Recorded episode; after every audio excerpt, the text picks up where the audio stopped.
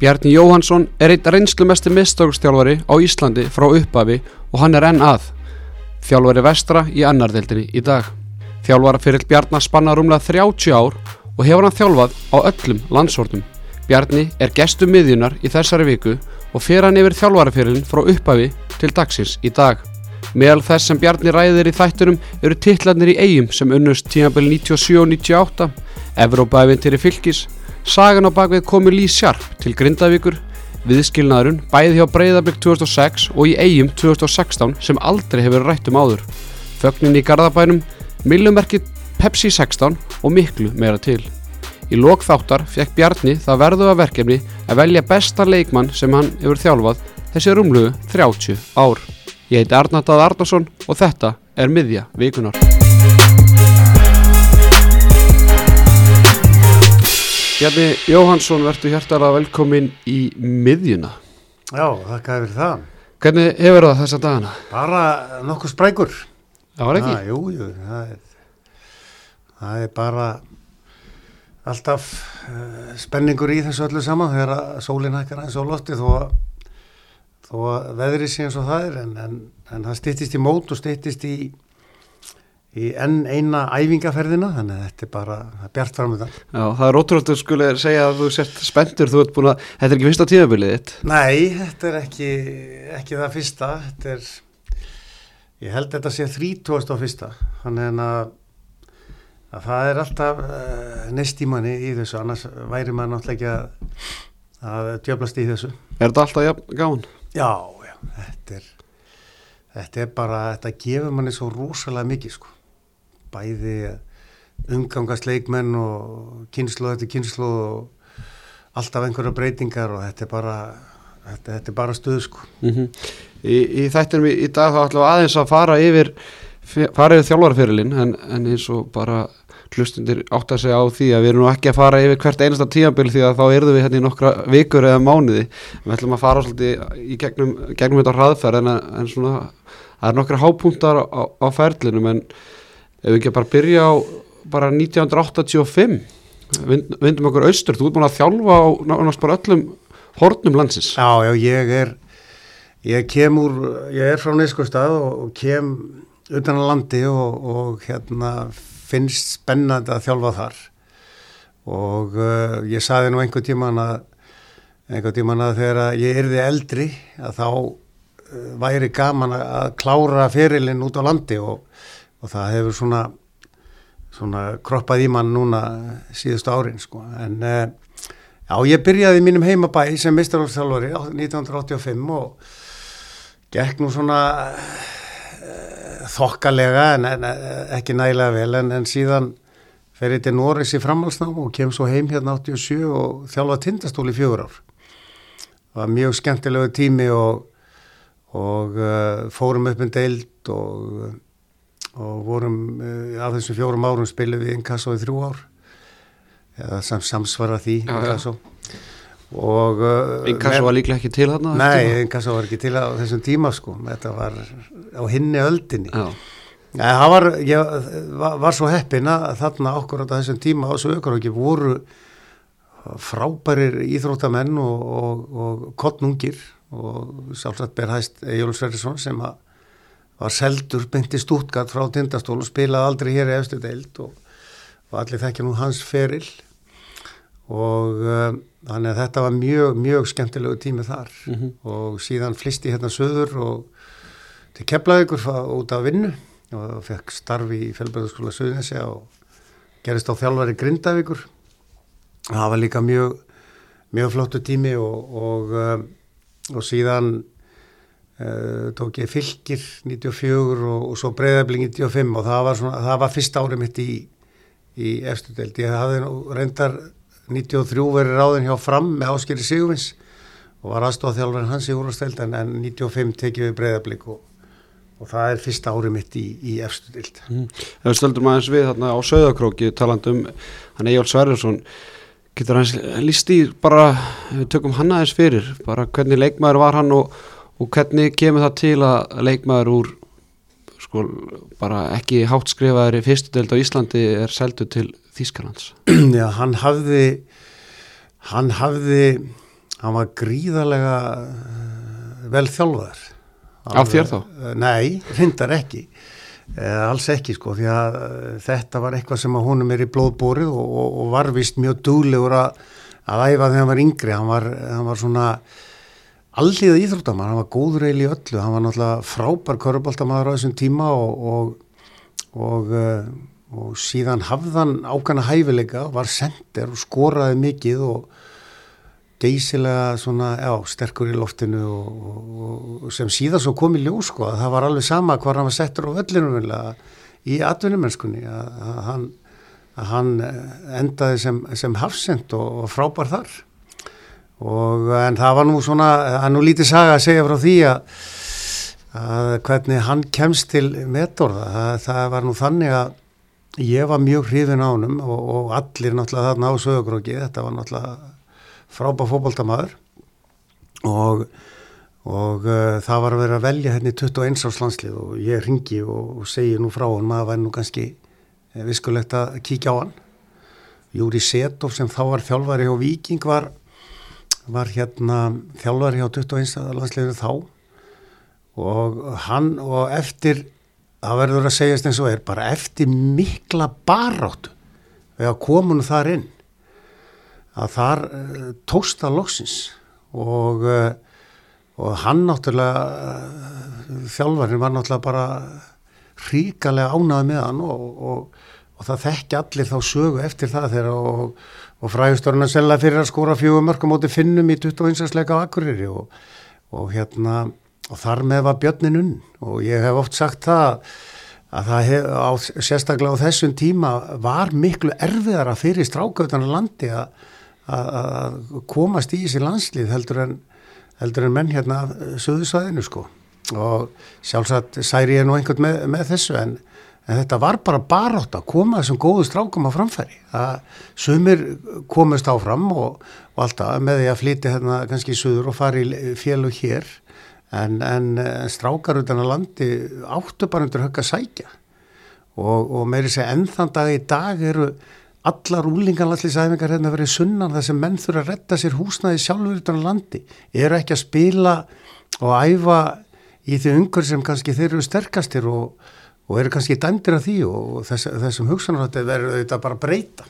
Það er bara þannig.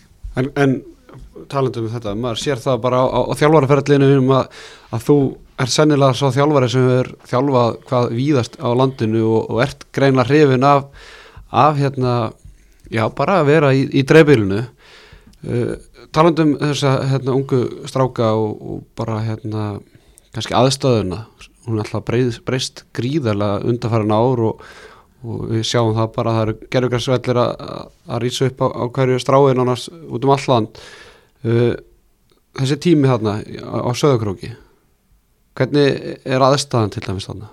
aðstæðan er, er kannski að hún er náttúrulega bara að það voru hérna grasvellir og grasbalar og ég manna að voru til voru að æfa hérna á nöfunum eins og kallar hérna svæðinu fyrir ofan fókbóltavellina og svo var náttúrulega bara lítill íþrótasalur þetta, þetta var bara aðstæðan sko. Bara við keftum náttúrulega í innanúsfótbólta mikið á þessum tíma. Eða það var alltaf fast mót sko. Þannig að innanúsfótbólti réði svolítið ríkjum þarna. Og um, og uh, þannig að meiri segja í skagafrinu var ekki einu reyðhöll þannig að sem við nótum svo síðar mikið mm -hmm. en, en uh, þannig var bara aðstæðan það var þarna uh, það var þannig að semst, við vorum hann inn í bara íþrótasal og, og svo voruði og ef að voruði snemma og hlöpu svolítið á sandinum að það þannig að það var nú bara í þá daga sprettir? Brekkusbrettir mm. það var nú svona venjuleg vetraræfing, það var kannski 8-10 km hlaup og liftingar og eittir en það var það lang réttast að þá. Já, það var kannski ekki margt í, margt í bóði Ég er nú rættur um að því er nú slátraði í dag sko. En hérna, þú talar um að hvað fyrsti fyrsti hérna þjálfar árið hvað ég eftir til, það er 95 með breyðablík Já. Hvernig kemur það svona upp og og hvernig er að taka fyrsta slægin í, í eftirtild? það, það var bara rosa gaman sko, það var, uh, voru með ágæti slið hérna á breyðablík, þetta voru strákar sem höfðu átt uh, góðu gengi að fagna í öðrum flokki, var mjög sterkur á þessum árum. Arna Gretas er náttúrulega uh, búin að vera þarna kottnungur og við vorum með fint lið sko. Og, og aðalmarkmiði var nú þá hjá blikunum sem hefur nú verið upp og niður í deildum að, að halda sér upp og við tryggðum sæti mjög snemma.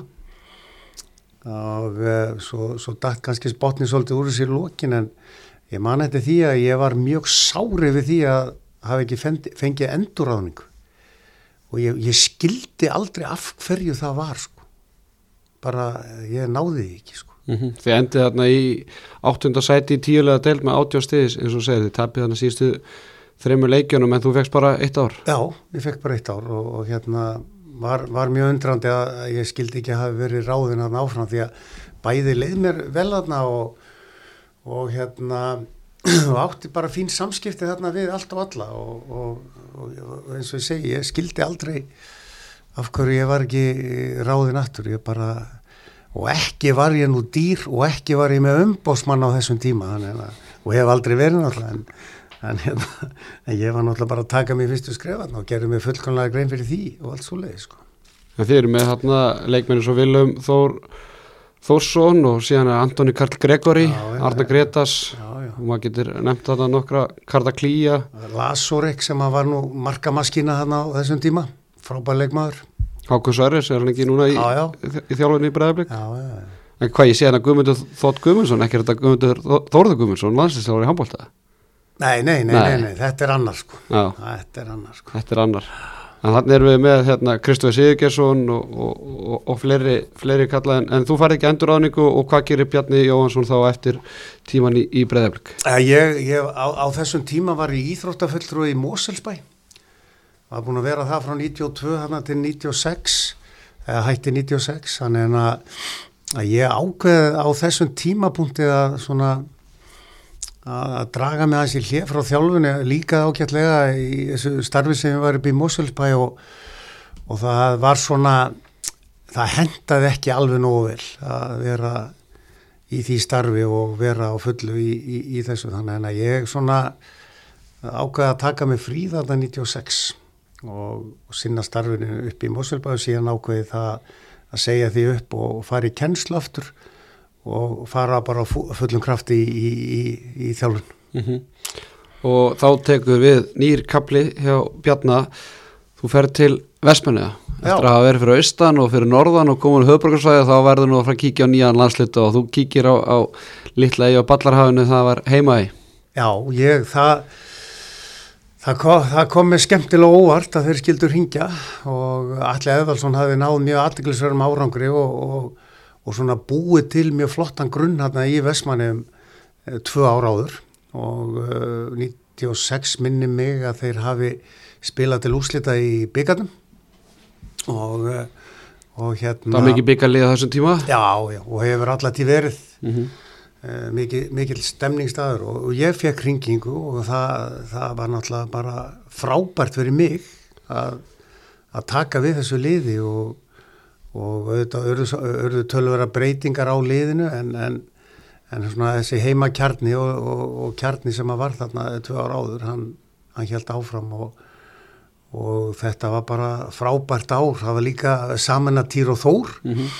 þannig að þetta var svona svolítið tímamót að fara þarna og og náttúrulega bara geggjað ár þegar upp að staðið sko. Já, þið, þið vinnið deildina nokkuð sannfærandi með 40 stig uh, eða skamenn þeir enda þannig öðru setinu með 35 stig en þið tapir endar byggarúslutaðleik sem er mjög eftirmjöluður þið farið í tvo byggarúslutaðleik Já, við förum í tvo byggarúslutaðleiki á móti Keflavík sem að þá var líka mjög, mjög skemmtilegt og und og efnilegt lið og við, við vorum bara sjálfum okkur vestir kannski í þeim leik, við, við gerðum jafntefni þarna 1-1, fengum á okkur mark alveg í lókin með minnir á, á fyrirleiknum og uh, síðan var uh, sem sagt er setnileikurinn og, og uh, ég mani þetta því að hann spilaður á, á sunnudegi frekarinn lögadegi og við spilum við Stuttgart setnileiki Evrópikeppni út í Stuttgart á fymtudeginum og við bara, sem sagt eins og ég segi, við bara einhvern veginn kannski höfðum við ekki power í það því að við spilum okkar einn albesta leik á tímabilinu við Stuttgart í, út í Stuttgart og töpuðum 2-1 og uh, það var alveg frábær leikur okkar halvu og, og uh, staðan var 0-0 eftir 70 mínútur sko. En, uh, en, en, en við töpum þarna á, á, á ítakefni og vorum svona ólíki sjálfum okkur þannig að að það var, það var sárt að tapa þeim tilli sko. mm -hmm. Talandu um þessum þessa Evrópuleiki og þessi úslit sem íslensku lið voru að ná þessum tíma var peningurinn bara ekki ja, mikill í Evrópu og munur svona lítill eða var bara íslenska geðvikin skilaði miklu í þessum Evrópuleikim í íslensku liðunum? Já, sko ég hef oft sagt það núna að, að á, á þessum árum þarna í kringu 96-7 95, 6, 7 og, og hérna framöndir aldamót það er svo gammal sko að sko við fórum alltaf í tvær æfingaferðir. Og uh, þá var þetta þannig að, að uh, þá var mót á kýpur og liðin sem að voru í æfingabúðum á kýpur í februar voru liðin hérna á Norðurlandun, bestu liðin og, og Rúslandi, Lettlandi og, uh, og Íslandi. Og menn fóru á þessi mót þess að liðin sem voru að fara í Evrópakefni og, um, og þarna fór ég til dæmis með IBVaft í tvígang, ég fór með fylgis og setna uh, á þessa slóðir. Einu sinni fór ég með IBVaft í bandaríkjana spiluðum við Lyngby sem þá var dansku mistari og, og, og Miami Fusions og Columbus Crew. Þetta, var, þetta voru bara geggjaði tímar og við fórum í 7-10 daga ferð og spilum við þessi lið til að ná okkur ísvöldið svona Evrópurunslun svo sagt er sko. Svo fórum við æfingaferðinu á páskana. Mm -hmm. núna fara bara liðin einu sinni og ég sakna þess að í þessum að nú, nú hafa liðin meiri tekjur og við vitum það að, að, að það, það er miklu meira. Ég sakna þess að sjá ekki þessi íslensku lið fara meira í þessi mót og fara tviss og rút eins og liðin sem er að fara í Evrópikeppinu og svo framvegs. Og ég tel þetta afturfur og því að þessum tíma var, var, voru þetta bara líka geggjaðir tímar að þýlitunni til að, að við vorum ekki náttúrulega með eins goða aðstöðu og við erum með í dag en þessi reynsla var gríðarlega góð mm -hmm. og þess vegna kannski voru við að kroppa í ein og ein uh, svona óvænt úrslitt og kom kannski að því eftir þegar fylgir uh, í sínum fyrstu Evrópleikum sló út pólstlið sem að var náttúrulega frábært. Mm -hmm.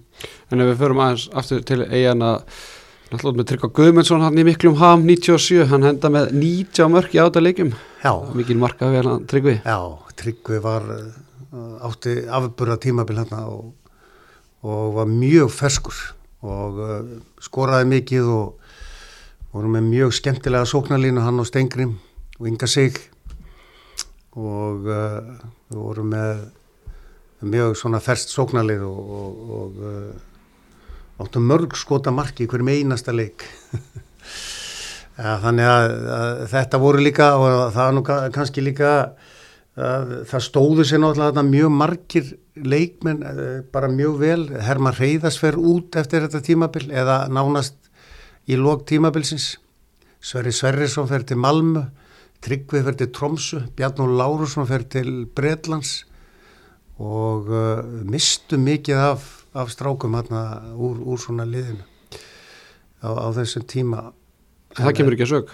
Nei, það kom ekki að sög sko Sigurvin Ólason mittist ílla upp að við í, í hérna já, fyrir tímabili 98 þannig að fósvöldi lunga úr þessu liði en, en við, við náðum heldur betur að, að manna það og, og, og, og gera enn betur mm -hmm. næsta ár Og þá er þið í ansri, ansri harðari baratu við, við Káar það eru tvær umfyrir eftir og þeir eru einu stíu eftir Káar en Káaringarnir þeir þeir klikka á auðvastund og þeir tapa senastu tveimu leikjónum á, á tíapilinu og þeir endi með hérna, fimmstega fórustu þeir uppi staðið og vinni deildarinn með 38 stig og þá kemur stengurinn með heitin Jóhannesson og hérna hann enda með eh, 16 mörg hann alltaf Tryggvi Guðmunds farinn til norður á, eða nýrst til Noregs eða ekki Noregs.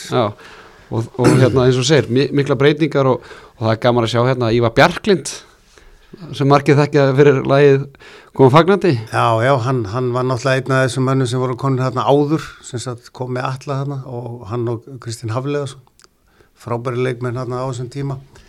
Já, það er rétt, það er, það er hérna, uh, ný, ný, sem sagt, uh, þetta var náttúrulega stór áfangi hérna 97 þegar Eh, þegar við eh, brutum sigugöngu Akranes á bakaftur þeir eru búin að taka titilina það held ég fimm ári röð.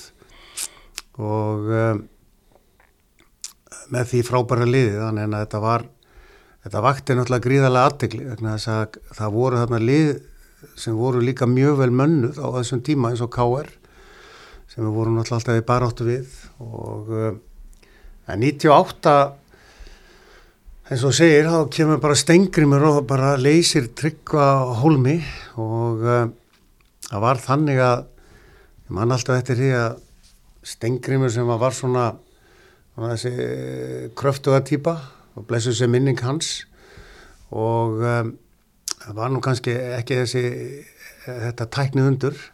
En ég man alltaf eftir því að þegar við vorum að byrja tímabilið 98 og, og vorum að velta fyrir okkur vítaskittu og um, og uh, Tryggvi var nú vítaskipta ára áður og Hlinur hafði nú tekið einhver viti og, þeir höfðu báði klikkað og, og eitthvað slíkt. Og Stengrimur saði það þá alltaf ég skil ekki þessa helviti saumingi að maður sem klikka á þessum vítumar ég skal bara taka þetta. Og hann tók vítin þetta ára og klikkaði ekki á nynnu Nei, hann er maður orða sinna. Herru, það vekur svona aðtekli Ívar Ingimarsson, hvað þú færð hann þarna fyrir þetta tímabilið ekki frá val? Jú, uh, við, við fengum uh, þrjá svona Sóra Milkovits kom náttúrulega hérna 97 Tökum hann eins og eftir, það er náttúrulega frábær karakter. Frábær karakter og ég, ég, ég fekk hérna til eigi á þessum tíma Ívar Ingimars, Kristinn Lárusson og Steinar Guðgjersson.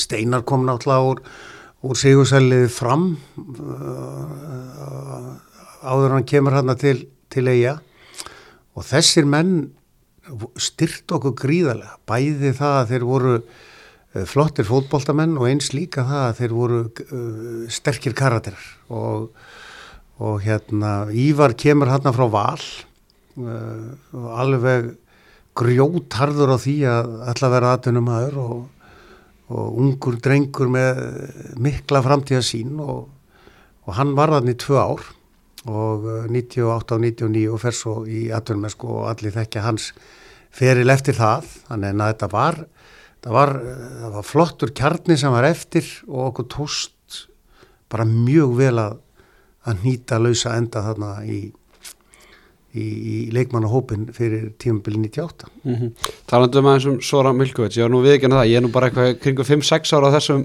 þessum tíma og ég er náttúrulega man ekkert rosalega eftir honum sem leikmann en, en náttúrulega seinustu ár þá er svona mikill sjarmi yfir Soran, hann er alltaf mættur hérna þegar tímabili er hálnað og hann er svona þekktu fyrir það að vilja taka við innum ímsum störum Soran, hann hefur breytt mörgu á, á Íslandi. Já, já, hann kemur náttúrulega hérna til Skagans sín tíma. Og við og uh, fyrir tímabilið mitt 97 ákvæður að taka hann ekki. Og við vorum að velta í fyrir okkur hvort við ættum að manni eftir um vorið en, en, en það var nú ekki. En síðan þegar það var ljósta hemmi færi að þá vorum við alltaf með augast á honum að að taka hann og, og það gekk eftir hérna í ágúst og hann bara smell passaði inn í inn í kerfið og uh, var náttúrulega mun agaðri leikmar heldur en Herman Hreiðarsson og hérna og, og kemur bara og leysir hemma mjög vel af. Mm -hmm. og svo alltaf þessi tíðabil þá verði verði byggamestar hvað því vinnið uh, liftur 2-0 við vinnum liftur 2-0 og uh, og hérna voru nú einu fleiri lunga á leiknum en það var, það var mjög örgu sigur og svona uh, eftir að hafa lendi í byggarlúslitum þarna 96 uh, með alla og, og svo þarna árið eftir að þá, þá var þetta svona títil sem að menn voru svolítið hungrar í þarna 98 og líka það sko að það var við vorum í fínni stöðu dildinni og, fín stemningi í þessu öllu og, og vinnum hérna byggarinn og svo vinnum við meistara meistarana setna um haustið þannig að við vorum handhafar allar þessari þryggja byggar hérna 98 sem að var náttúrulega einstakt og, og frábært fyrir allt og alla og, og frábær saga í BVF mm -hmm. Svona minningunni þá held ég að það sé sannilega fyrsti byggarúsleituleika sem ég fyrir á og, og hérna, hvað ég menna, þeir heldur svona hitting í ykkur flugskílið ekki? Já, já. Það getur það ekki verið? Sko stemning eigamanna hérna upp á landi eða brottfluttra og, og ættara eigamanna er náttúrulega engu lík. Og um, þetta var, uh, þeir voru eins og ég segið þarna var bara reynsla komin á þessu úslítalegi og, uh, og ég tala nú ekki um svo síðasta leikin þarna 98 þegar liði mætti svo þarna ásand einhvern 4-5.000 manns á Káarvöllin í lokin sko, það var það er leikur sem líður manni senkt og minni sko. Er það úslita leikur þá bara? Það er nánast úslita leikur, ef ég mann rétt að þá var Káar með 33 stig fyrir þennan leik og við 35 Já, akkurat og, uh, og við hérna og leikurinn út á káir eftir sko. þannig að það, það var gríðalega uh, hérna gríðalega spenna í lofti þannig að mann þegar sem maður hugsaði tilbaka og, og kannski eftir leikin að þá var bara ímislegt með okkur uh, þarna sko, það var uh, við vorum búin að vera svolítið uh, svona millir tannana á fólki, við, við gáfum hérna eins eftir að mér minnir hérna í kringum Evrópuleikina, við lendum náttúrulega til Júkoslavi í Evrópuleik sem varð okkur helviti erfiður.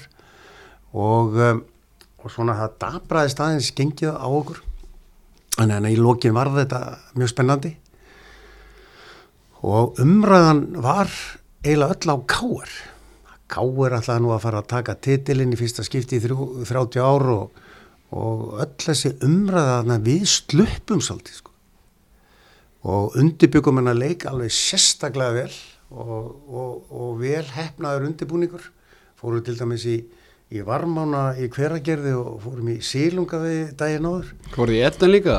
Nei, við fórum ekki þangað við vorum yfirlt alltaf á Hotel Hörk fyrir svona leiki og, um, og síðan bara kom við leikin skoruðum snemma og datt allt með okkur og, eða þannig og hérna og það var það var risa titill sem við, löpum með út á Káruvöllinum á þeim tíma sko.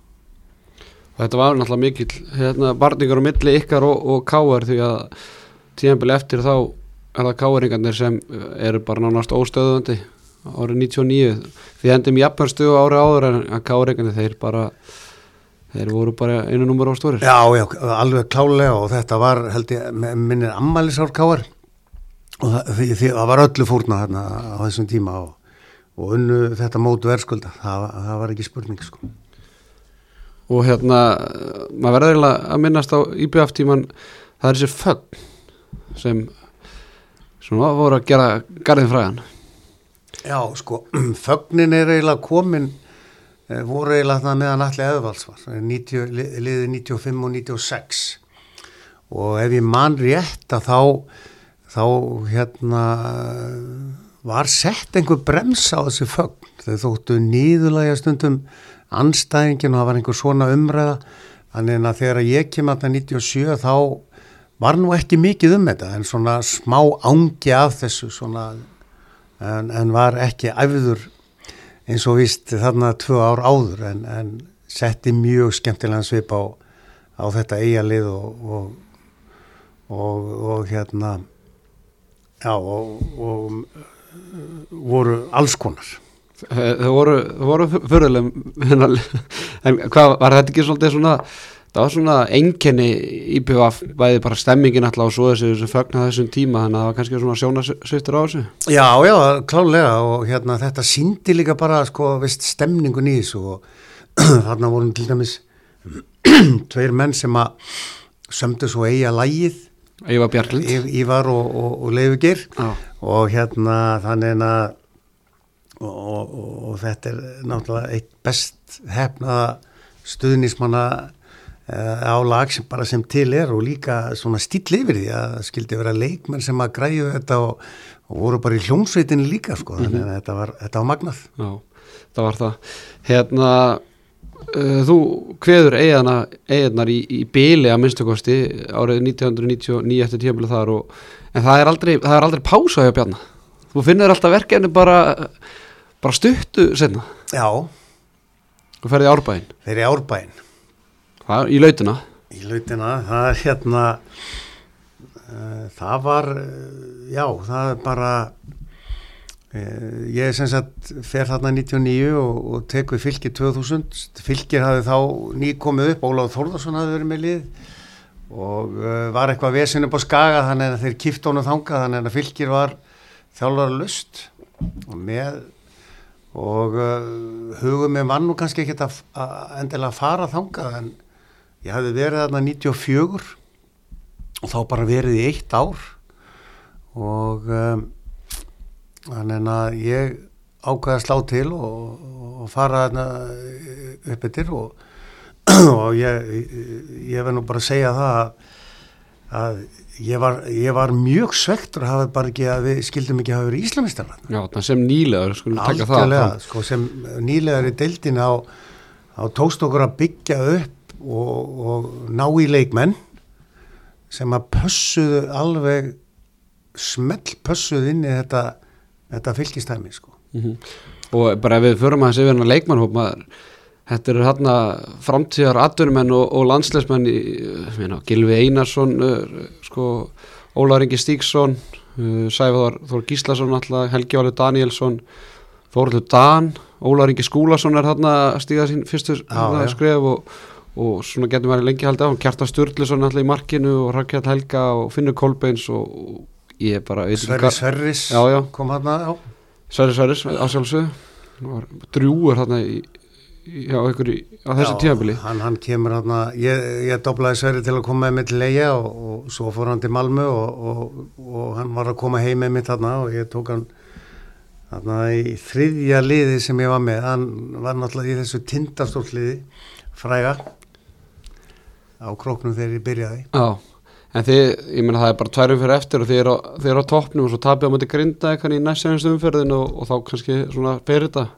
en þetta er, þetta er ótrúleg hérna, ótrúleg bara úrslitið að niðurstaða og maður sér þetta ekki lengur að einhverju nýlegar í efstu deild náu svona árangri á fyrsta ári Nei, það er, það er, það er tölvöld síðan en, en ég man nefnitt eftir við klúðruðum þessu í Grindavík sko.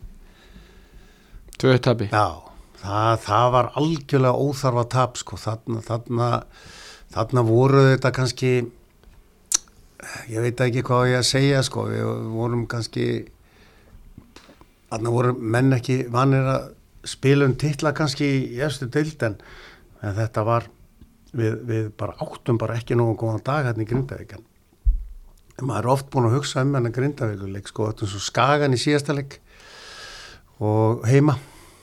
Er að á meðan að held ég að Káur átti stjörnuna sem var fallið í, í Garðabænum í síðasta leik og um, hann er að þetta var að þetta var þetta voru náttúrulega þetta var frábært á sko en, en ennþá naga maður sér handabökin að tapa hann í Grindavík og það, það, þar hefði það hefði verið glæsilegt að náða að taka titil hérna mm En er, svona, fyrir maður yfir þessi leikmenn sem voru í þessi lið, þetta var eins og ég segi, þetta voru bara framtíða landslísmenn og ekki smá mikil eða bara mikil efni við þarna? Já, þetta var, og fylgir uh, var í fínum málum hann alveg í þrjú, fjögur ár. Var alltaf að, uh, semst voru að ég var hann eitt ári viðbót og, og hérna en síðan uh, tók allir við og, og aðalstitt vinglus og, og bara átti mjög flott ár hann á eftir Þú náttúrulega verið byggamestari 2001 Já, við, við náðum því í dæmi að vera byggameistar hérna 2001 og gáfum allt og mikið eftir í titilbaróttunni þá. Þá lendum við líka í því að, að við e, vorum í Evrópukefni og bara leikmannahópurinn bara var kannski ekki alveg nógu stór og, og, og við höfðum bara ekki orku í þetta allt saman. Sko. bara til að minn, minnast að þess á því ég veit að þetta er örgulega mjög erfitt að minnast á þetta en þið eru á toppnum þegar þeir eru sexum fyrir eftir þið tapir sérstu sex leikjunum en þið klárið þetta með að vera byggamestrar en en eins og segir, það, það var kannski álæði og mikið Já, sko, við, við komumst líka áfram í Evropakefni. Það, það er, það Já, það er með þú nefndi þá að þið vinnið þetta pólsk, pólska liði pólska lið, sko. Þetta var bara, þetta var, þetta var náttúrulega lið sem var mjög gott í Pólandi á þessum árum. Og, og hérna höfum einmitt spilað á svona vetramóti við þá um veturinn á, á Canella á Spáni eða Monti, eða hérna Albufeira. Töpuðum 5-1 og komum allar við boltan og uh, það, það var náttúrulega reynslega út af fyrir sig og svo dróðustu á mótur sér liði og unnum á hérna heima 2-1 og uh, fyrir svo til Pólans spilum þar í, í alveg frábæru veðri maður og, og uh, fáum okkur mark strax á sjöttu mínútu. Og vorum bara nær dauðan lífi og þreytu þegar við komum inn í þannig að það var eins og sem ekki geta annað en að reyna að lifa þetta af. Og ég man að taktekin hjá okkur var svo sko bara halda áfram bara í vörn allir. Og Kjartan Sturluson átti nú sannlega besta leik á ferlinum aðna í Pólandi og svo sagði ég við strákana ég myndi gera breytingar í lokin á leiknum og reyna að ná þessu marki ef, ef við værum bara 1-0 undir. Og uh, oft með þessi lið þarna austantjáls og sérstaklega á þessum tíma þá, þá gerðu þeir ofta ekkit mikið meira en þeir þurftu. Og 1-0 var náttúrulega bara gott fyrir þá, þeir eru náttúrulega komnir áfram. Og svo ger ég breytingar á, á hérna liðinu þarna 850 mínútu og við jöfnuðum á 9000 og annar held Pétur Björn Jónsson. Og það var það var svakalegt kikk og ég man líka eftir því að það kom einhver 150 eða 200 manna vél í beinu flýði til Pólans með áhangandur fylgis sem voru þannig í einu búrinu. Sömunar döðan lífi. Og það bara sprakk þetta búr. Og þetta, þetta er svona ógleimanleg uh, að, hérna, uh, minning. Algjörlega ógleimanleg og og hérna og magnað að komast áfram með þetta lið. Og, og svo eins og segir, þú hætti með, með fylki eftir þetta tíðabil já. Það var svona það var svona þema hjá þér, 23 ár já, ég, það var nú kannski uh, svona eftir á að higgja var það kannski rámt að fara, ég fór til Grindavíkur hafði verið þar 92 Akkurat 92 og 3 og uh, Grindavík var með spennandi lið og, og svona einhvern veginn fannst mér fannst mér ég eiga, eiga að fara en, en, en svona þegar að maður lítur tilbaka þá, þá voru þetta kannski svolítið mistök að fara til Grindavíkar á þessum tíma þó að ég hefði átt tvö, tvö mjög fín ár þar og, og við náðum Evrópursæti þarna ní, nei, 2002. 2002 að þá þá held ég að ég verð að segja það að það var rámt hjá mér að fara frá fylki á þessum tíma mm -hmm. Svona talandi um þess að grinda og sérstaklega í þessu eigum Hvað voru leikmennu til þess að gera þarna? Hérna, hérna var ekki en aturmennska eins og kannski, eða, þarna voru ekki fá útlendinga sem voru bara ekki að gera annan í fókbalta, voru menn bara á, í, í fisknum eða? Já, já, menn voru að vinna þarna og, og uh, voru allir í vinnu á þessum tíma og, og hérna nema kannski Lý Sjarp þegar hann kom þarna 2000, 2003 Já, það var aðteglisvært það var frábært og hérna og uh, já, já, þetta voru bara duglið stráka það sem að semst, árin þar það 2002 voru við bara með rosalega þröngan hóp af leikmönnum. En frábæra stráka sko og, og hérna Gretar eh, það, er nú kannan að segja frá því ég hef oft átt markaðist að mannin í deildinni. Gretar Ólaður Hjartarsson Já, hann var markaðisti, hann var fekk kullskóðin þetta árið. Og um, Stengrin var búin að fá þetta og Tryggvi var búin að fá þetta og, og síðan fekk Garðar Jókvans þetta þegar ég var í stjörninni þannig að, að það, það er svona það er, það er þræl gott að hafa einn í því að skóra mörkin. En, en Gretar enda skora ekki nema 13 mörg í þessu, Nei, nei, þessu, þessu hann, það hann, hann, hann náði þessu sko Þannig ertu með Gretar Ólafur, með Óla Stefán, Flóvens, Ólafur Bjarnason, svo ertu náttúrulega með þryggjamanna teimi þarna í Paul McShane, Sínsa Kekits og Scott Ramsey. Já, já Þetta eru strákar sem hafa sett mikið lit í íslenska knæspindu. Já, já, þetta var mjög ferslið og, og svona eh, stemningi í þessum strákum og líka það að kjarnin, það var þarna eh, kjarni af strákum eins og, eins og Óli, Bjarnar Óli Stefán og, og fleiri þarna sem að voru svipuðum aldri og, það, og það, þetta gerist ákveður út á landi. Ef það kemur árangur út á landi þá er, er þetta oft strákar sem er á svipuðum aldri, mynda ákveðin kjarnar síðan er fengvi, fengni aðkofumenn, hvort sem það eru ellendir eða innlendir og, og, og hérna og menn ná að fara í eins háar hæðir og hægt er. En svona áður um, já, þú segir, grindaðu tími var nú kannski ekki rosalur, ekki við alltaf árangur sem við náðum undan en við verðum eiginlega að minnast á, á hérna Lí Sjarp. Þetta var á mikið fjölmjöla fár í, í kringum þetta. Þetta var alveg magnað maður, þeir, þeir hérna Dagbjart sínir og Dagbjartur, blessu sem minning Dagbjart, hann, hann var litríkur aðdáðandi þannig Grindavík og frábær náingi og ég man alltaf eftir því að þetta kom til tals því að þeir eh, feðgar eru gríðarlega United menn og þau farið þarna til Manchester og uh, og þar hittu þeir Íslending sem er nú búin að vera þarna mjög lengi fyrir Ragnarsson, gammal gammal fótbolltamaður Grindavík og þeir hittan og þar hittaði Lí Sjarp ef ég manda rétt á bar Kemur óvart. kemur óvart Að Lí Sjarp hafi verið á, barnum. Og hann var náttúrulega búin að vera uh, hann var náttúrulega uh, vel þekktur uh, leikmar og United, það var nú segist eins og er og, og en, en hann átti það var svona George Best feelingur í honum sko. Það var svona mikið á í kvennfólki og, og víni og en ákvörðat á þessum og, og þá bara vaða þeir í þetta eh, þarna félagar og, spura bara hvort það ekki til í að koma og spila á Íslandi.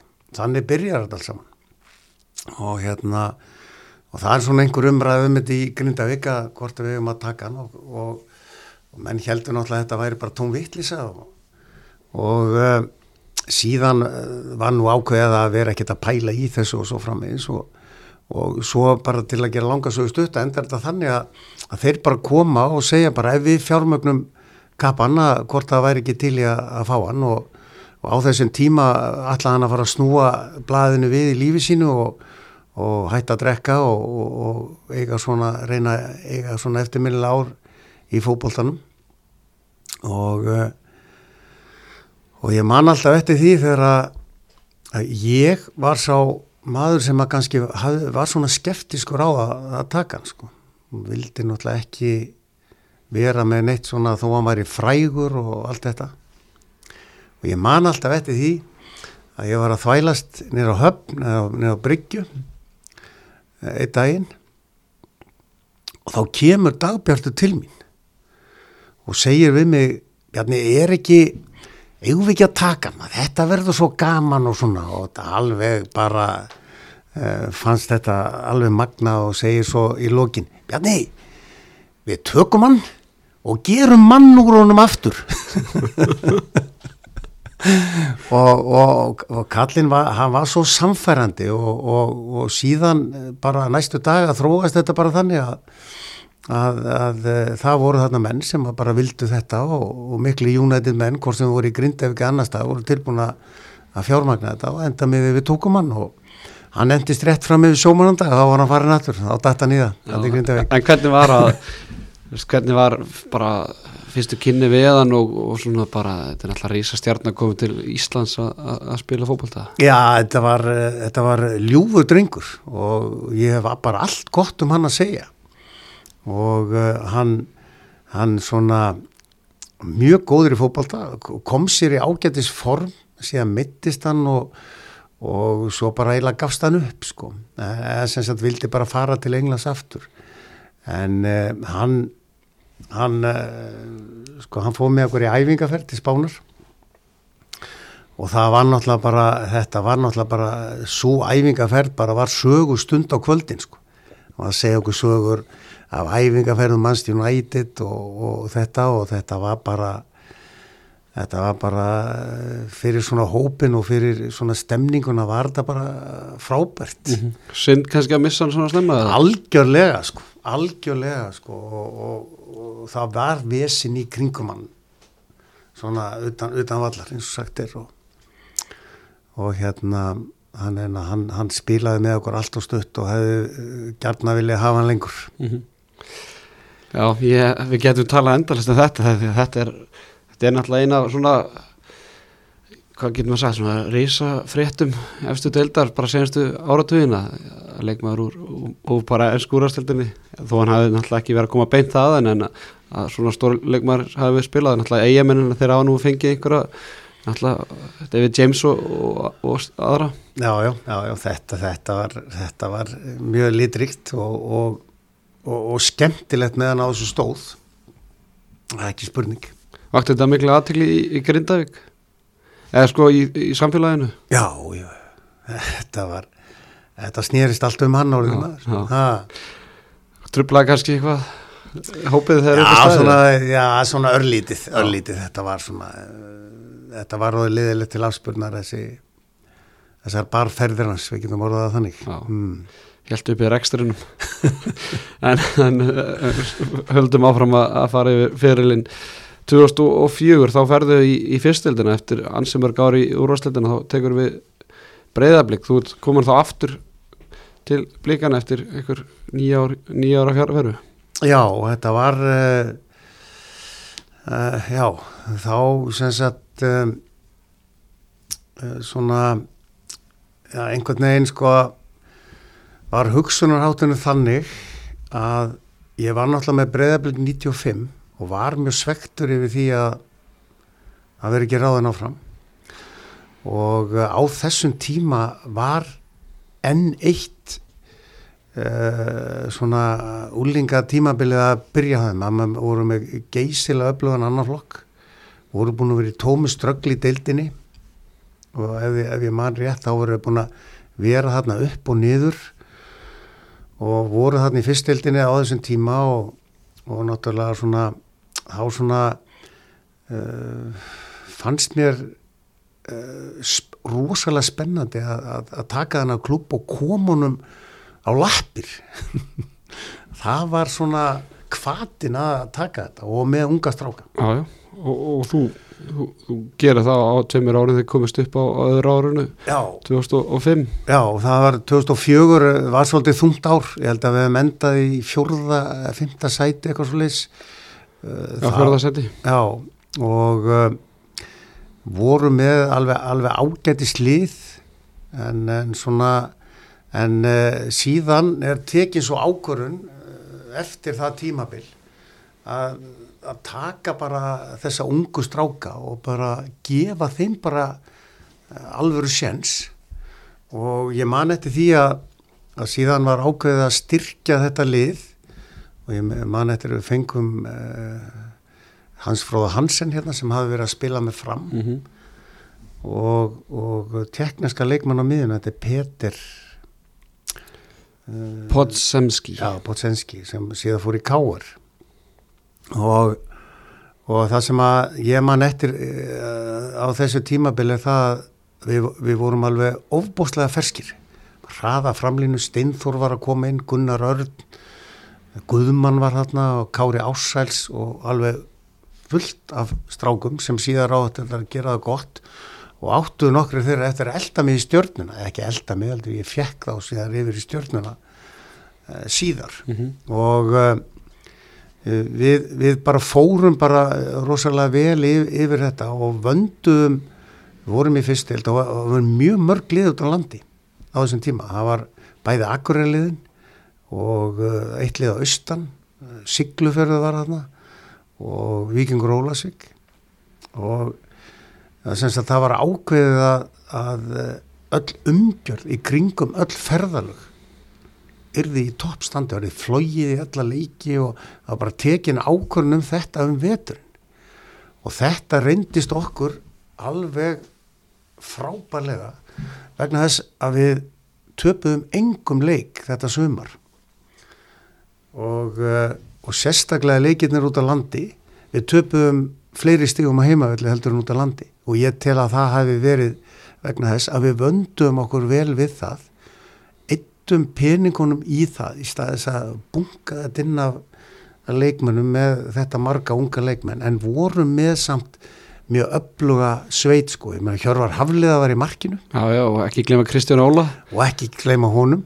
Og, og við bara eh, veist að bara komið sér stemning í liðið og, og við, við vorum náttúrulega rosalega ferskið fram á við En, en talandum það að, elska ég já, en, en talandum að fljúa, flug, fluggjaldinu, þau hafa nú sennilega verið eitthvað læri en, en, núna, kannski já. þekki þau núna í dag. Já, já, þau, þau voru nú heldur lærið þannig að þetta var nú ekki eins uh, mikill uh, mikill hérna. Baggi, já, baggi á, á félagunum en, en, en við vöndum þetta rosa vel sko. Mhm. og uh, einu sinni man ég eftir því bara að við áttum að fara á sigluferð og það var ekki hægt að lenda þannig að við erum að lenda á söðakrúki og uh, við höfðum farið á einum bíl með allt drastlið snemmum morgunin og þegar það var ljóst að, að til dæmis uh, að það erði flói á söðakrúk og þá bara voru við stattir þar og, og rettuðum rútu og fórum í kaufélagið og kiftum mat og drikki handa mönnum og það beið bara á flugstöðinni á söðakrúki eftir mönnum vegna þess að þetta var svo mikið rask á ferðalæn og við erum að flýta okkur svo mikið. Mm. og bara svona litli hlutir skipta rosa máli og, og við vorum bara komin í 3-0 mjög snemma í leiknum sko. Já, heldur en í staðis að láta fara í töðarnar á sér þá bara, þetta svona þetta er svona eitt af þessum litlu atriðum sem skipta svo miklu máli sko. Mhm. og, og hérna og eins og ég segi, umgjörðin í kringum ferðalögin var bara líkil atrið þessu og svo náttúrulega, eins og segið, þið farið bara, tapið ekki leik og, og, og farið léttlegandi upp í úrvarsteldina, þar endi í fymta sæti en, en þú farið bara eitt tímabil í úrvarsteldinni hjá Breiflik. Já, 2006 Sex, já. en sko ég hætti þar á miður tímambili Já, og þá tekur Óli Kristjánsvið já, og um, þetta var búin að ganga svona já, eða svona brösulega þannilega sé sko þetta er uh, það, eins og ég segi, það var rosa rót á hjá breyðarbleika á þessum tíma og, návíi sko þjálfarans við allt og allt eh, var náttúrulega miklu, miklu, miklu meira en, en kannski er í bestu liðunum í dag sko og ég man eftir því að að frá 2004 þegar tók við breyðarblik og þarna um mitt sumar 2006 þá voru sjö framkvæmdastjórar á klubnum og þetta var náttúrulega rosalegt rót af þessu, þetta var náttúrulega aðdraðanda hrunsins, þannig að allir, sem, allir þessi strákar sem komið þarna eða mjög margir hverjir, þeir voru alltaf að býða til stöði í bankan sko. og nýjútskrifaðir fóru þarna sem framkvæmdastjórar og fínt og svo bara allir fannir í bankan sko. Þetta var einhvern veginn svoleiði stemning sko. Já, já.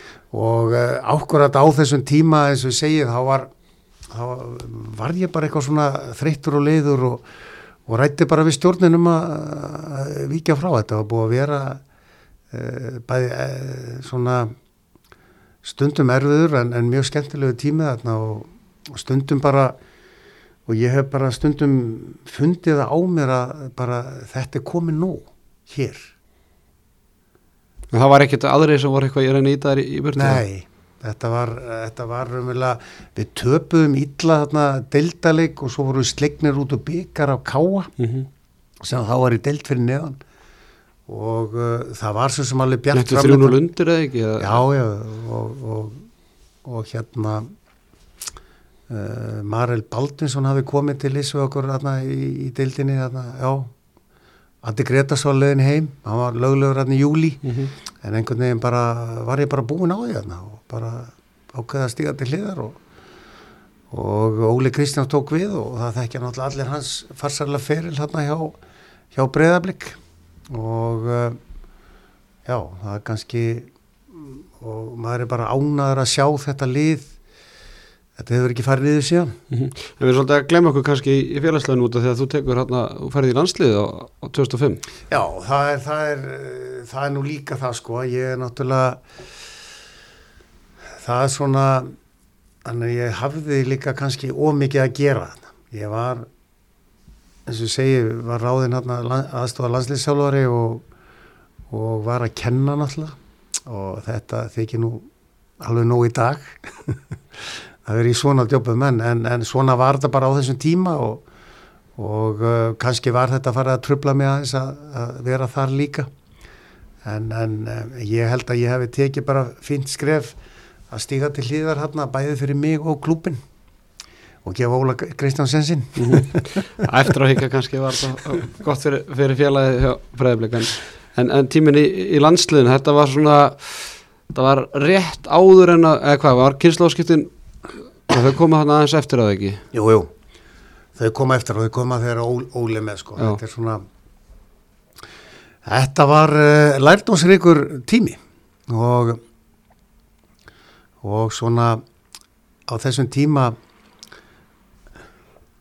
var þetta mikill mikill bardagi eh, hjá landslið sjálfurum bara fyrir að bara fá sínu fram eins og bara að fara uh, fá að fara uh, sem sagt uh, í, í leiki fyrr og vera með liðinu meira betri umgjörði kringum hótelin og svo framvegs sem byrti svo ekki fyrir en lagaði ekki kemur en þetta var líka það að þetta var í rétt aðna fyrir hrun Já, þetta er svona í góðærinu svona. Þetta er í góðærinu og ég hef nátt sagt á sögu að að hérna þá var náttúrulega reynd að mikið naga á þess og menn áttu náttúrulega bara slapp inn, af, inn á hóteli svona milli æfinga og svona en ég man eftir því að að hérna að nokkri eða margir báðum frí til að hitta ráðgjafa sinn í bankanum Þannig að þetta var svona þessi tími að menn voru að fjárfesta og, og, og, og svo framvegis. Þannig að, að kannski fókusin á þessu öllu var kannski ekki alltaf 100% mm -hmm. og líka það að við vorum, eins og við segjum, við vorum uh, svona umgjörðin í kringum landsleikina var, var náttúrulega, uh, var ábútan bara, hreinlega. Bæði æfingasvæði og hótel og ferða fyrirkomulag og annað slikt og ég man nú eftir því að ég man eftir, alltaf eftir því að við vildum alltaf reyna að gera eins auðvöld fyrir stráka að ferðast til landsins eða frá. Og einu sinni manni eftir því að, að þá, þetta snýrst náttúrulega allt um að flugið væri nú ekkert mjög dýrt. Og hann spila við Spán á Mallorca. Spilum þrjá leiki við Spán á þessum tíma. Og náttúrulega Spán að verða besta landsliði og spilum við þrjá leiki og tveir þeirra fóru nei, já, tveir þeirra fóru jafntefni og töpuðum einum 1-0 á Mallorca á Spáni. Og ég man alltaf eftir þegar við fórum í þann leik að þá var alltaf diggur uh, hópur sem var fór á þessan landsleiki. Og við vorum að fara hérna til Mallorca og, og voru nú ekki mjög margi sem fóru hérna frá Íslandi þá, það var nú bara eiginlega þjálfararnir og, og, og starfsfólkið. Og þá hittu við áhangandan út á kemlaugurflöðli og, og hérna sem voru að fara til Mallorca á hana leik þeir komu fjórum klukkustundum fyrr til Mallorca heldur en við og, og hérna er hló mikið af þessu þetta við gerum mikið grín af þessu að, að það var alltaf verið að spara og, og þó að ég viti það að, að, hérna auðvitað kostar þetta alltaf eitthvað svo leiðis en þannig að fannst manni vant alltaf að uh, landslið sæti svolítið fyrir og, og umgjörðin er góð í kringum þetta sem að það er alveg hímin og hafa á milli því sem það er í dag og var mm -hmm. Algjörlega, eh, tímandi breytast og, og mennirni með og hérna, umgjörðin hefur stórbatnað undanfæran ár. Uh, 2007 þá ertum við ekki með neitt félagslið en 2008 þá tekur við stjörninu og, og þú átt nú ansi langan fyrir þar, þú ert í heil fimm ár þar, þú tekur við með fyrstöldinni uh, kemur þeim upp á fyrsta ári, svo er þetta svona tröppugangur upp á við og svo endar við með því að fara í byggarúsli 2012 og tapar þeim leikvað moti K.R. eða ekki? Jú. en hérna já, þú svona fer í fyrstöldin aftur 2008 og þið komast upp. Er ekki rétt munið að þú varst með Hannes Þór Haldarsson hann í markinu eða? Nei, nei, nei, ég var með Bjarnar Bjarnar hérna Bjarnar Haldós Bjarnar Haldós Já, og síðar, og síðar Yngvar Jónsson. Já, hún er vikinni Njárvíkinni Já, þetta var þetta var þannig að á þessum tíma var ég svona voru við að klára hérna landsliðið og, eh, og og það var mikil pæling á þessum tíma að hvað, hvað, hvort ég ætti að gera hvort ég ætti að eh, aðeins að kúpla mig út úr þessu ekki. En það var maður hérna, Andri Sigursson nokkur sem að tóku við stjórnvöldum því á stjórnunni í knastbeturróðinu og hann samfærði mig heldur betur um að að koma til félagsins. Og, og hérna ég ákveði að gera það og þarna var svona líka svolítið svolítið svona fílingur í mér að að taka aftur lið sem að var í, í vesinni Svo eins og Breiðablik. eins og og, um, og þarna var uh, klárlega kjarni sem var mjög spennandi í stjörnunni kottnungur og um, svona skemmtileg blanda af, af leikmönnum og, og, um, og við og ég ákveði að taka slægin og, og við förum hérna bara upp á fyrsta ári sem að og það datt svolítið með okkur sko. við vorum í baróttu við IBVF og Selfoss sem var með mjög gott lið á þessum tíma og þar, þar duttur hlutinni með okkur heldur betur í lokin og, en við heldum okkar striki sko, í lokin, vorum við sterkir á sellinu þegar á reyndi og, og, og hérna skorum ég manna skorum við mikið af mörgum að leikil mörgum í lokleikja sem enginnir einmitt lið sem að ná árangri og, og náðum þessari stemningu í þetta og áttum árin eftir alveg fanta start í dildinni alltaf. En svo fjaraði svolítið undir okkur í lokin og það voru nú líka ástæður fyrir því sko því að á þessum tíma var maður ekkert með mjög stóran hóp uh, manni þetta er að Steinþór Þorstins eitt tímabilið sko þá þá hérna var hann búin að vera alveg frábær og, og svo allt hennu var hann að fara til Svíþjóða bara 1. ágúst sko. og það var ákveðið 31. júli það var ekki sens að fá hann að leikmann í staðin eitthvað slíkt sko. þannig að það var svona ímsar ástæðu fyrir því en, en alveg, alveg og vöktu náttúrulega gríðarlega aðtegli fyrir bara flottan fótbolta og, og hraðan og kraftmikinn og Þannig voruð mættur að gerðugrassi eða ekki? hann voru mættir á gerfugasi sko. og, um, og hérna og það var mjög mikill stígandi í þessu raunverulega allan tíman og, og, og en þannig að dag í dag er, er, er, er eins og ég segi þegar maður fór frá stjörninu þannig eftir fimm ár og uh, þá var maður líka mjög sáttur við hvernig liðin hefur gengið eftir þetta, það er byggartitill og, og Íslands bygg, hérna, titill og líka hjá breyðablík þannig að, að, að ég var ég er mjög sáttur eftir þessi tvö fjölu og sjá hvað þau stödd í dag og, og tel að, að, grunnurinn hafi verið vel byggður. Mhm. og, þó, og, og, og svona ég er pínlítið stoltur af því og, og, og fagna því hvar eins og ég segi, þetta eru orðinni tveir af flottustu klubum af kannski fjórum-fimm flottustu klubum landsins sko. Mm Og við mitt, vorum alltaf bara í fyrstöldinu þegar að smiðurinn Bjarni Jó gemur og byggir þetta upp en, en hérna fögnin, þarna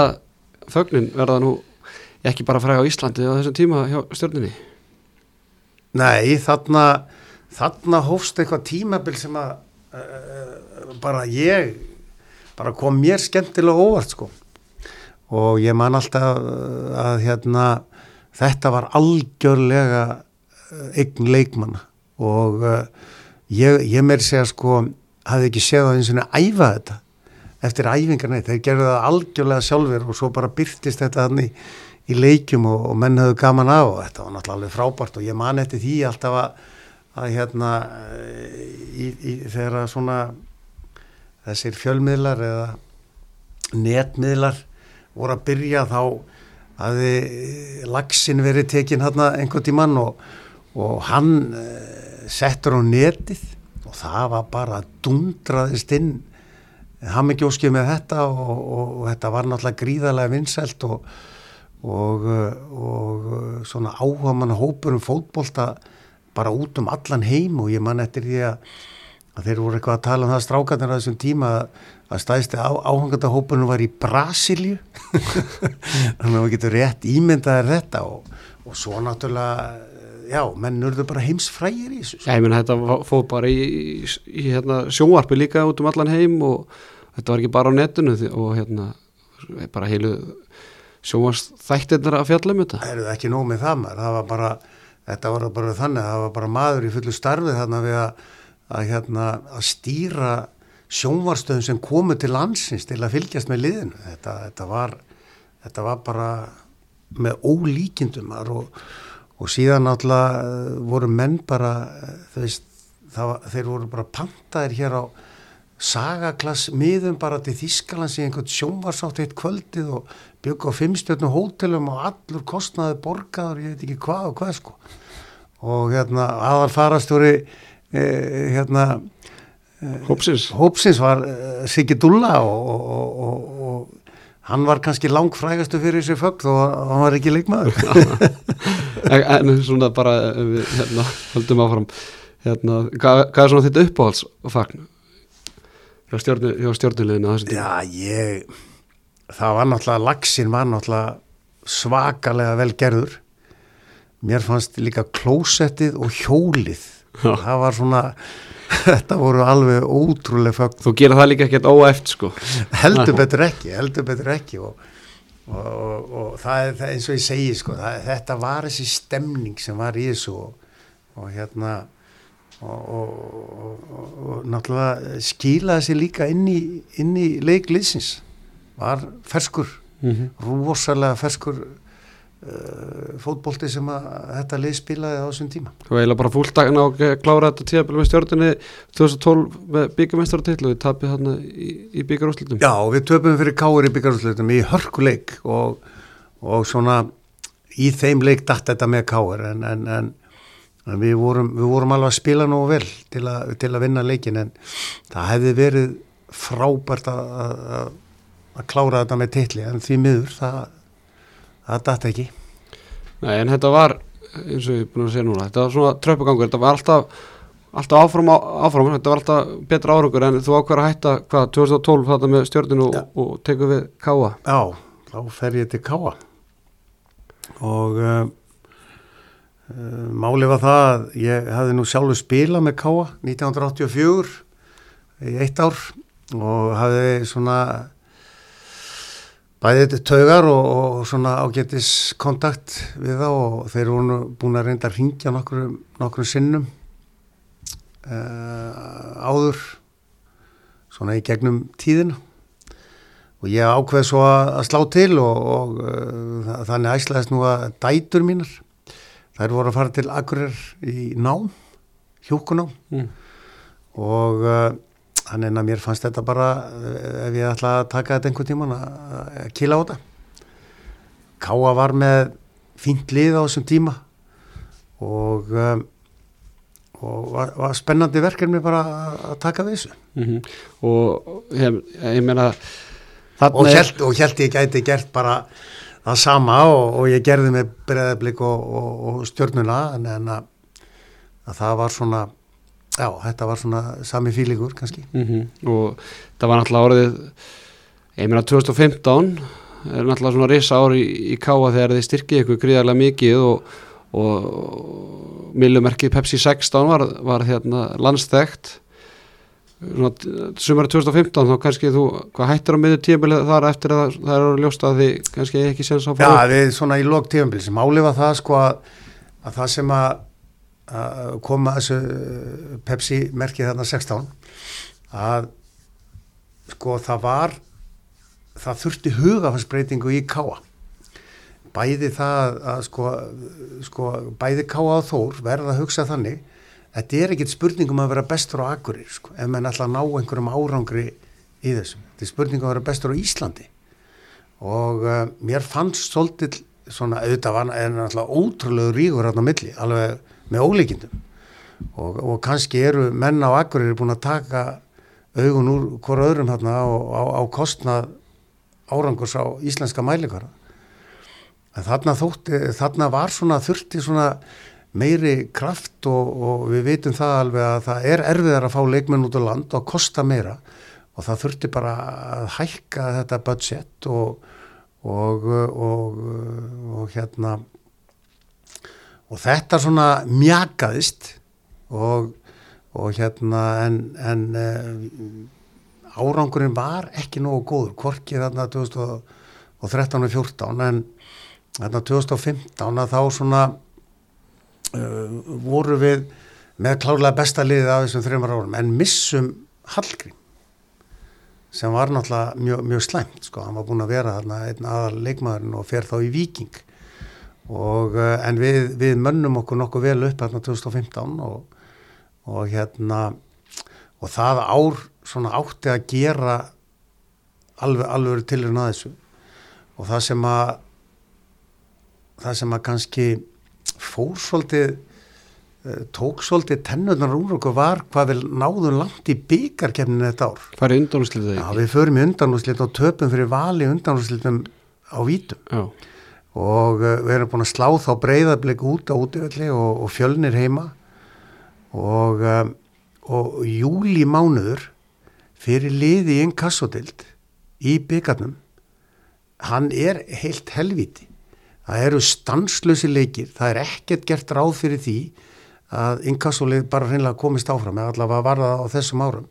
Og við vorum alltaf að hlýðra til í dildinni og spila með þett og ég man alltaf þetta því að þetta var á, á minni mig á 15. kvöldi sem við spilum þarna fyrir Veslumalki og, og síðan var leikur sem var settur á við hauga og hann var settur á þrýðuta eftir Veslumalki Mhm. það var aldrei tekið til í til og hérna að, að við værum kannski orðnir svolítið búnir á því og líka það sko að ákvært á þessum tíma að þá voru við búin að vinna helviti flotta uh, hérna aukavinnu ég og leikmenn og fleiri uh, til að geta flóið í leiki. Og hérna voru við með verkefni upp á eina hálfa miljón og ég held alltaf að við fengjum að fljúi þennan haugaleik þegar þetta var svolítið til valdaleikur. Mhm. nei þá var kyrt í hann samdags. Og við töpum honum 2-1 og það var svona þar mistu við að lestinni skilur við Mhm. Var það ekki eftir þannleik sem þú segir í viðtali að þessi leikur hafa verið spilar í svona, hvað segir það, óþökk ykkar? Eða, Já, það er nákvæmlega það og, og, ég, og, og maður, við vorum búin að leggja svo mikið á okkur í þetta til að geta flóið í leiki sem að, uh, voru valda leikir og, og þarna, eins og ég segi, þarna er, er við bara auðvitað, auðvitað er alltaf álega á fótboltamennum, ég ger mig alveg grein fyrir því en þarna var svolítið svona þarna voru við komnir upp í vegg og við urðum eiginlega að vinna þennan leik og ef við töpuðum honum þá voru við eiginlega búin að missa lestinni Mhm. þetta ári. Umræðan kannski trublaði ykkur líka ég held að tengi staðis bróðum með hann að spila með ykkur og hérna, umræðan var náttúrulega rosalega bæði að Twitter og, og var fjölmilar þegar pressa var gríðarlega á okkur. Já, já, sko, málega síðan vinnum við leikarna, minnum við grótt 1-0 eða eitthvað svo leis helgin eftir.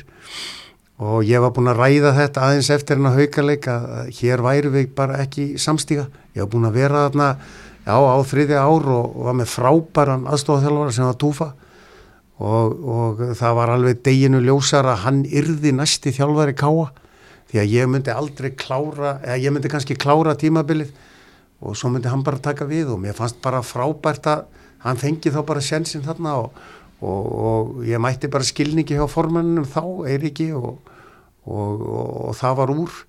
Og svo eh, er nú kannski allt í lagi líka að segja frá því að mitt í aðdraðandanum að þessu að þá var uh, stopnaði Twitter-reikningur á mína kennitölu af, af mönnum uh, af drengjum hérna á Akureyri.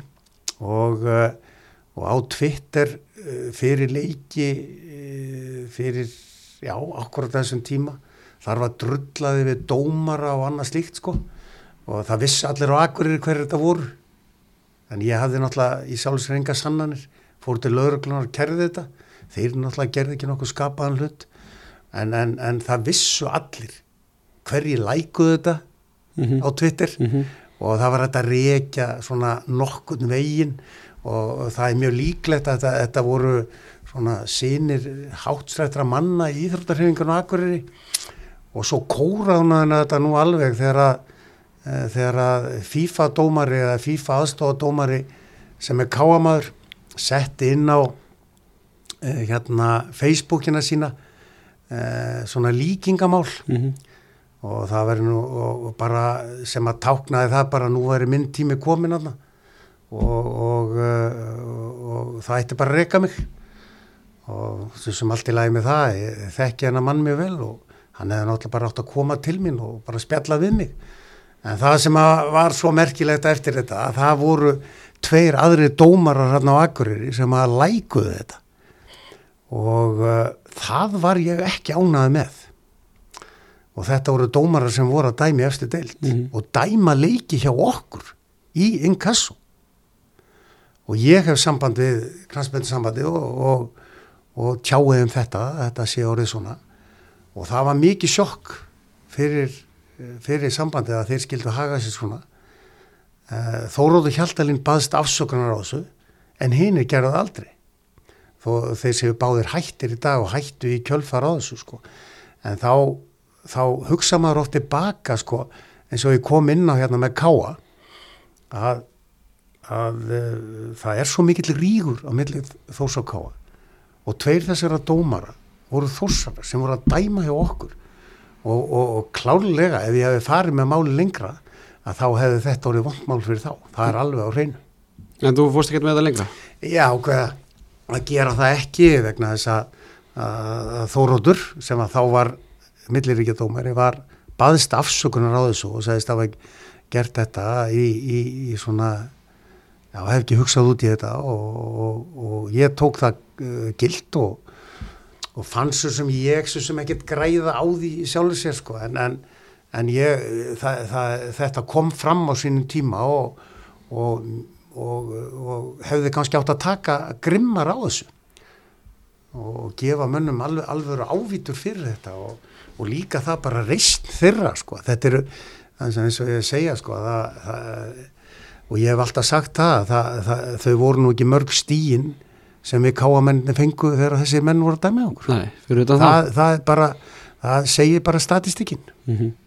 En eh, svona þú náttúrulega eins og segir þú gafst túfa tækifæri til að taka við þessu og hann kláraði þetta tímabil og, og ennu aftur þá ert þú ekki tættur og, og þú heldur áfram að, að fara á gamla slóður Já, það er, ég, ég hérna ákveða að fara til Vestmanni. Það er, það var svona, breytti tímar þarna í já, Eyjum. breytti tímar í eigum og, og áfest svona spennandi. Ég var, ég var líka svona í, í svona, ég hafði skilið á henni fór á Akureyri og, og, og var svona, fjölskyldilífi var í, í hérna, í svona ekki nógu góðum farvegi. Þó við hjóni sem við tekið saman aftur. Já, já. En uh, þannig að það var svolítið rót á mér á þessum tíma og, og fannst allt í lagi að gefa eigamönnu sens. Við séð að þeir var í vandræðum og ég var ekki komið lið og búið að vera mikið rót á þjálfara og bara þjálfara vesin á þeim. Bara íla frá því heimir, heimir hætti. Og, það var eh, 1-2 þjálfarar á hverju ári Já, nánast. nákvæmlega og hérna en uh, ég breytti því svo sem ekkert. En, en, en uh, þetta var þetta var töft ég, ég var að kenna hérna í bænum og var að flakka hérna á milli, aðlega með herjólfi. Og þetta var svona já, þetta var svolítið töft.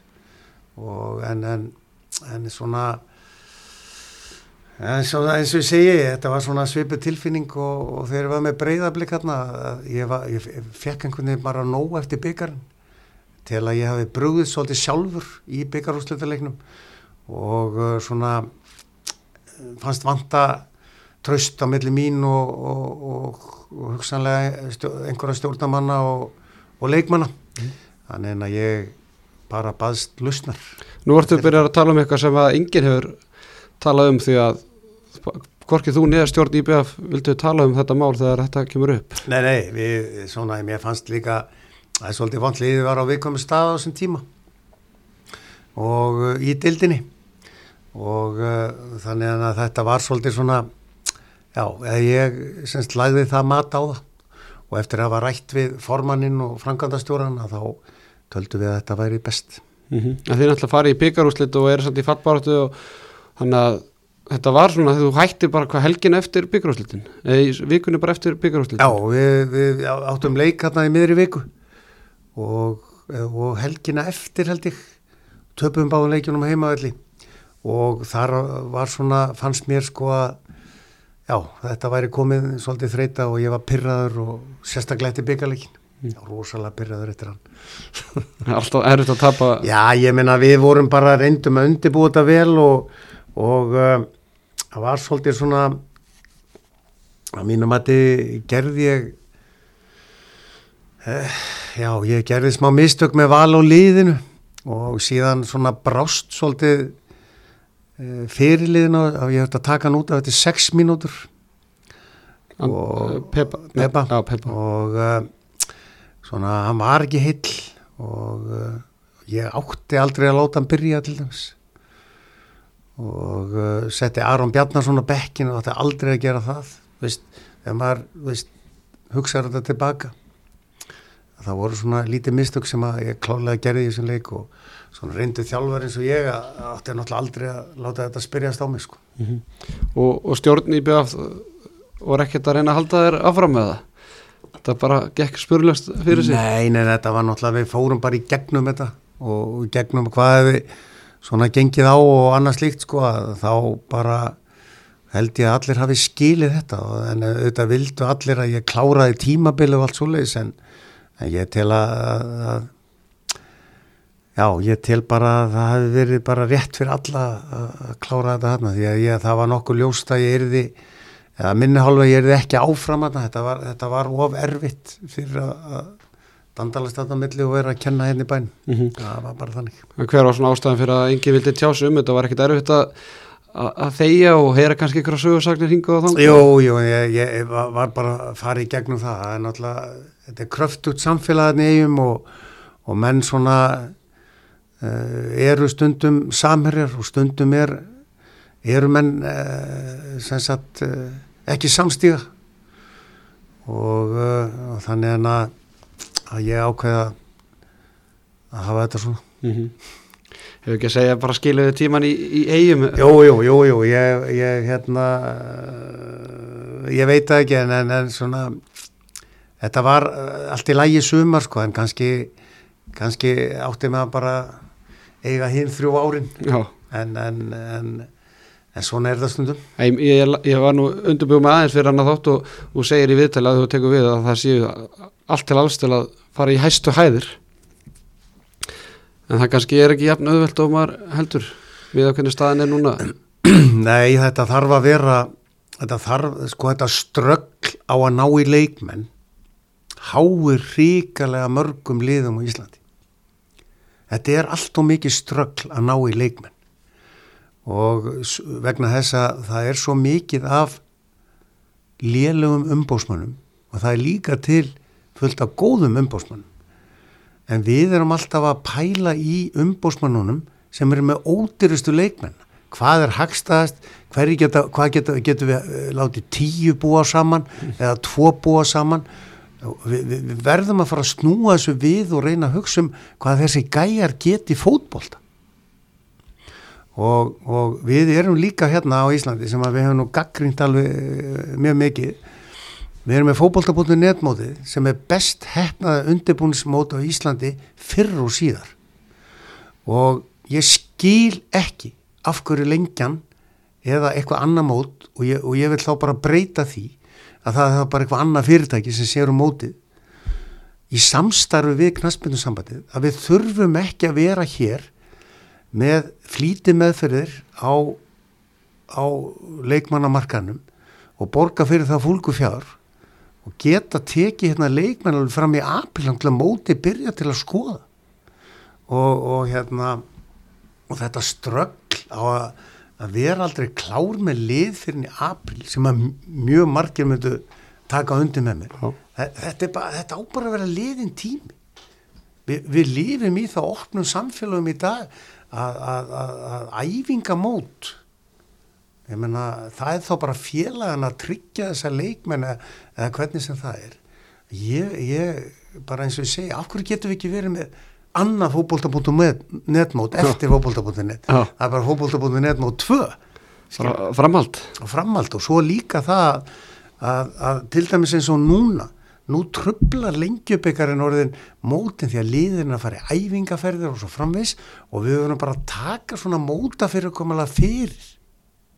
Skilur Mhm. og, og ég hef oft sagt það líka sko að þróun á mótafyrirkommalegi þetta er eitt hluturinn. Annar hluturinn er sá að, að við eigum ekki að vera að þvælast með byggarkefnina inn í júlimánu þegar að liðin eru byrjað að fara í Evrópakefni þá hefur við einhvern tíma að búin að því og við erum náttúrulega að flýta því núna við erum að byrja núna 12. bara april að spila í byggar sem er frábær Það er bara eins og í Svíþjóð, það er bara byggakefni bara fyrir Já, tímafili fyrir tímabili, við getum spila úsleita leikin kannski 17. júni eitthvað svona Já. eða, hvernig sem það er og, og svona velta þessum hlutum fyrir okkur og líka það, ég hef sagt það að til að svona poppa ennþá meira upp fótbolt á Íslandi eigum við bara að vera með byggarkefni í neðri að, að hugsaði bara til dæmis að hérna uh, bara snæfell einherri úrslitum í byggarkefni neðri delta á lögatarsvelli mm -hmm. hvað þetta er myndið svona poppa þetta betur upp og, og, og, og eins og kannski þekkist einhver staðar í heiminum og þá eru kannski lið sem að myndu taka frekar þátt í þessari byggarkefni eða, eða aðalbyggarkefni mm -hmm. af því að það er svo langur vegur fyrir neðri delta lið að ná alla leið Já, bara, og er náttúrulega bara eiginlega bara já, en þá er þetta svona gulrótin. Gullrótin fyrir þetta og ég bara, ég oft minnst á þetta og ég, ég, ég er, er líka sko að- svona að bara e, móta þróun. Svona með nýjum tækifæri, nú er að koma nýjar hallir í Hafnafyrði og Garðabæ og kannski verður þetta bara allt annað, ég man eftir því einu svona að, að, ég flutt einhvern tímann erindi á KSI þingi held að það verið 87 og fór að tala um hallir. Þá sagði nú hátsetti menn hér í fótballtærum Íslandi hér koma aldrei hallir. Skilur þannig að þú, þú veist ekkert hvað framtíðin ber í skauti sér og ég held að við verum alltaf að vera á tánum eh, hvað þetta varðar eins og þróun móta og ég, það verður ekkert langt ánga til að við förum að byrja bara mótin hérna í, í, í mars bara eins og, eins og, eins og færingarnir Mhm. og líka það að, að í mannvirkja gerð á Íslandi, fótbolta mannvirkja gerð á Íslandi, eigum við náttúrulega að byggja litla, pínulitla stadjóna, hvernig sem við förum að því og valsarnir eru konum með vísir að því og eins FH og, og það sem að við erum að reyna að loka svolítið völlunum okkar. Þannig verður þetta. Annars getum við aldrei lengt tímabilin okkar en, en þú talar um neðri dildinar þú náttúrulega ert komin í neðri dildinar þannig að ef við ljúkum hérna ferlinum eða þó hann sé náttúrulega alls ekki nær- nærri því búin hjá, hjá Bjarna að- núna í dag þá ertu hérna þjálfari vestra fyrir vestan. Þú áttu nú vesturinn aðeins eftir eða eitthvað? Já, ég átti, ég var náttúrulega, ég bjó á Ísafirði í þrjú ára sín tíma, spilaði þarna með IBI sem var þá í efstu deild og frækt var. Já. Og þannig að, og var kennari þarna í þrjú ár eftir ég kláraði íþróttkennarskólan og á, eins og ég segi, flotta tengingar þarna og, og, og góða minningar og, og hérna, var nú, ætlaði nú að láta þetta bara þessu lokið eftir Vestmannegar, sko, en En það var þarna gæði Samúl Sammi sem ég kalla alltaf Samma Vest.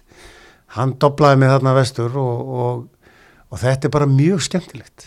Og við erum þarna svolítið afskjalli sannlega afskjæktasta lið á, á Íslandi hvað ferðalög va- varðar og annað og, og það er alveg aðdánavert að sjá bara hungrið og, og, og svona Já, og, og, og kraftin í þessu fólki til að halda þessu á, floti. Og þetta er svona lítill netto klubur, vel reikin og, og bara ég ákvaða að slá til og, og, og ég er að byrja með þetta annað ár þarna bara frábært að vera þarna á sumrin. Uh, við erum með liðið tvískipt. Annar helmingurinn í bænum og hinn fyrir vestan. Skólastrákarnir er komnir í háskólan hérna. Og svo erum við með erlenda leikmenn. En höfumst við það á hverju ári reyna að fá Íslendinga og við reynda að náðum tveimur núna sem er bara hátíð. Þannig að það, það er, þetta er þetta er töft að vera út á landi og sérstaklega í ljósi mikil, mikils ferðarkostnar ég veit ekki hvað úrsköpin þeir reyði í, í það. Þannig að það er bara líf og fjör á Ísafirði og, og svona spennandi tímar þar framöndan þá fara að búa að reysa hú, hálft hús þarna og, og setja gerfingar svo aðalvöllin þannig að, að aðstæðan núna er alveg 10-15 árum á eftir öðrum félögum hérna á Íslandi og, og nú ætla menna að gera átaki því og það er bara spennandi tíma framöndan í fótbolltanum hann allavega. Verður gerðugræs í sumar eða? Ekki sumar, Nei. ekki sumar en, en, en, en uh, vonandi næsta sumar 2020. En þið voru hálsbreyttur á því að fara í inkassodöldina, var það mikið áfall eða, eða hefði það verið eða stórt stökk fyrir ykkur kannski þessu Já, ég, ég hugsa það nú ekki. Ég, við, við náttúrulega gerðum allt sem við gátum í lókin til að, að gera þetta. Við fórum, liðið er búin að vera svona kannski svolítið í ströggli í annari dildinni en, en, en, og byrjuðum mótið hræðilega en náðum okkur svo vel á strik og vorum bara helviti hressir uh, síðar hluta tímabils í fyrra og, og erum að reyna að manna okkur upp núna uh, og, og vera bara með í topparötu frá upphæði. Og stefnið upp? Já, já, það er ekkert annað að gera þegar þú ert svona náldis ára áður, það- það, er annað væri bara ekki með. Það er hár rétt. En hvað hérna, hvað, hvað sér þið fyrir að vera lengi fyrir vestan? Já, bara meðan ég nýt þess að vera þar og, og, og allir eru svona samstíga í því hvað á að gera, þá, þá eins og ég segir, spennandi tíma framöndan og sérstaklega aðstöðulega að sé þarna fyrir vestan og, og, og, og þarna koma alltaf strákar sem eru góðir í fótbolta, þekkjum það, Andri Rúnar, Matti Vil, Emil, Mm -hmm. uh, við höfum stráki í 18 eða 19 núna og er fótboltamenninni koma allstað, það er sama það er sama hvað það er sko, Já, sama hvað þú býrð. það er sama hvað þú býr sko En, en hérna, þú farið alltaf, alltaf verkefni, er eitthvað svona verkefni sem þér finnst þú eiga óklárað eða ertu núna bara að hafa gaman að þessu? Já, já, ég, það er alltaf þessi passion í manni sko að, að, reyna að ná árangri og, og eins og ég segi það er bara við reynum að stefna því að að fara upp úr deild núna og, og, og meðan maður hefur gaman að þessu og svona nista í til að, til að ná árangri hvort sem hann er að fara upp eða, eða búa til góða fótboltamenn eða eitthvað slíkt að, meðan hann er fyrir hendi og, og maður er svona maður er svona með góða hilsu og þá bara þá bara tekum maður Ferguson á þetta bara. Já, það er rétt í lokin, ég ætla að koma svolítið svona óvart, en ég ætla að byggja um að velja besta leikmann sem við að þjálfa á, á, á ferlinum og síðan við bara að raukstiða það og síðan bara kveðið við.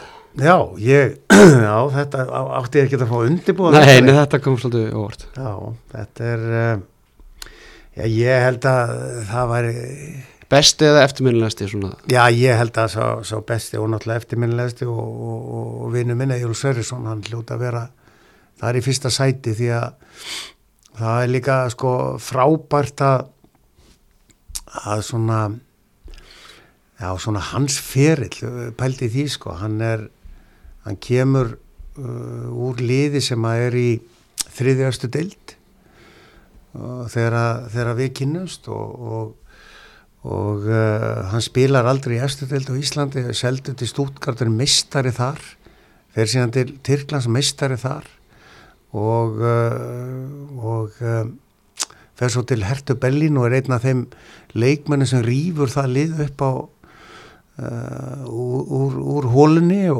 og, og, er svona einna dáðari mönnum leikmönnum hertu bellinar í, í sögunni og, og, liði fer upp í, í búndisleik og, nær meistardildasæti og ekki eitt ár heldur tvö að með minnir.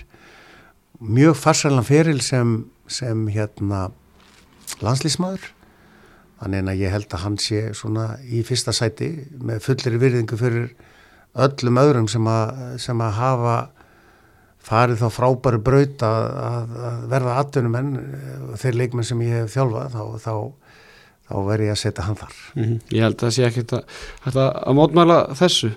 Herru Bjarni Jóhansson, ég ætla bara að þakka kærlega fyrir kominu í miðjun og, og þennan, þessa frábæra 90 minnir sem við spjalla saman. Já, það er 90. Það er 90. Þetta er bara... og Það- það er tókum- viðbótartími. Já, við tókum ekki einu sinni hálfleik. Nei. Herru, takk kærlega þetta og bara gangi ykkur vel í, í sumar fyrir vestan. Já, takk kjærlega.